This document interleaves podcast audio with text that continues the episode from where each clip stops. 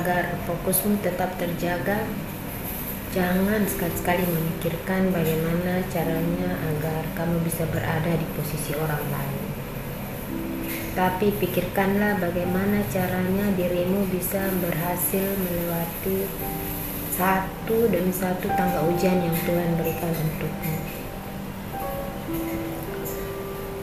Setiap orang punya persoalan masing-masing yang harus diselesaikan, punya ujian masing-masing, dan semuanya harus dihadapi. Jangan berjuang untuk menjadi pemenang atas orang lain, tapi berjuanglah untuk menjadi pemenang atas dirimu sendiri.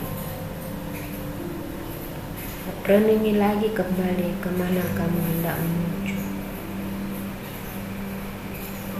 Jika tujuan itu sudah jelas, kamu seharusnya tahu jalan mana yang harus kamu lalui untuk bisa sampai ke sana.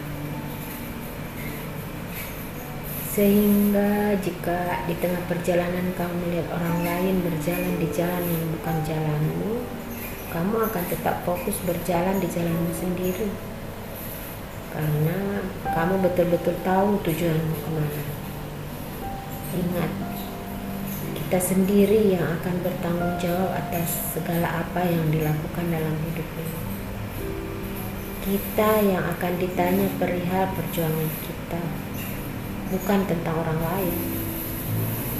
Jadi, lakukan yang terbaik bukan untuk dianggap baik, tapi untuk memenuhi keinginan Allah.